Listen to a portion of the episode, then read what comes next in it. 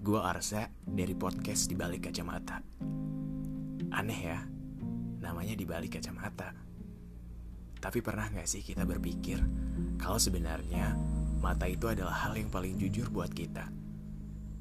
Karena dari mata kita bisa tahu apa sebenarnya arti dari kehidupan.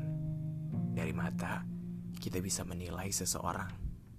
Dari mata kita juga bisa melihat makna dari sebuah perjuangan. Mata kita juga bisa tahu loh sebenarnya seseorang tertarik untuk memulai sesuatu dengan kita atau mungkin mengakhirinya di pertemuan pertama.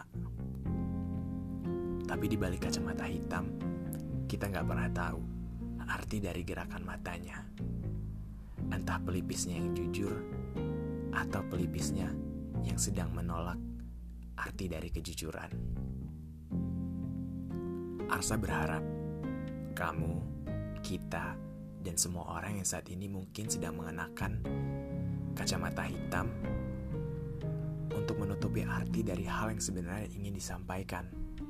Tetap semangat ya, dan memberikan lebih dari sekadar arti bertahan.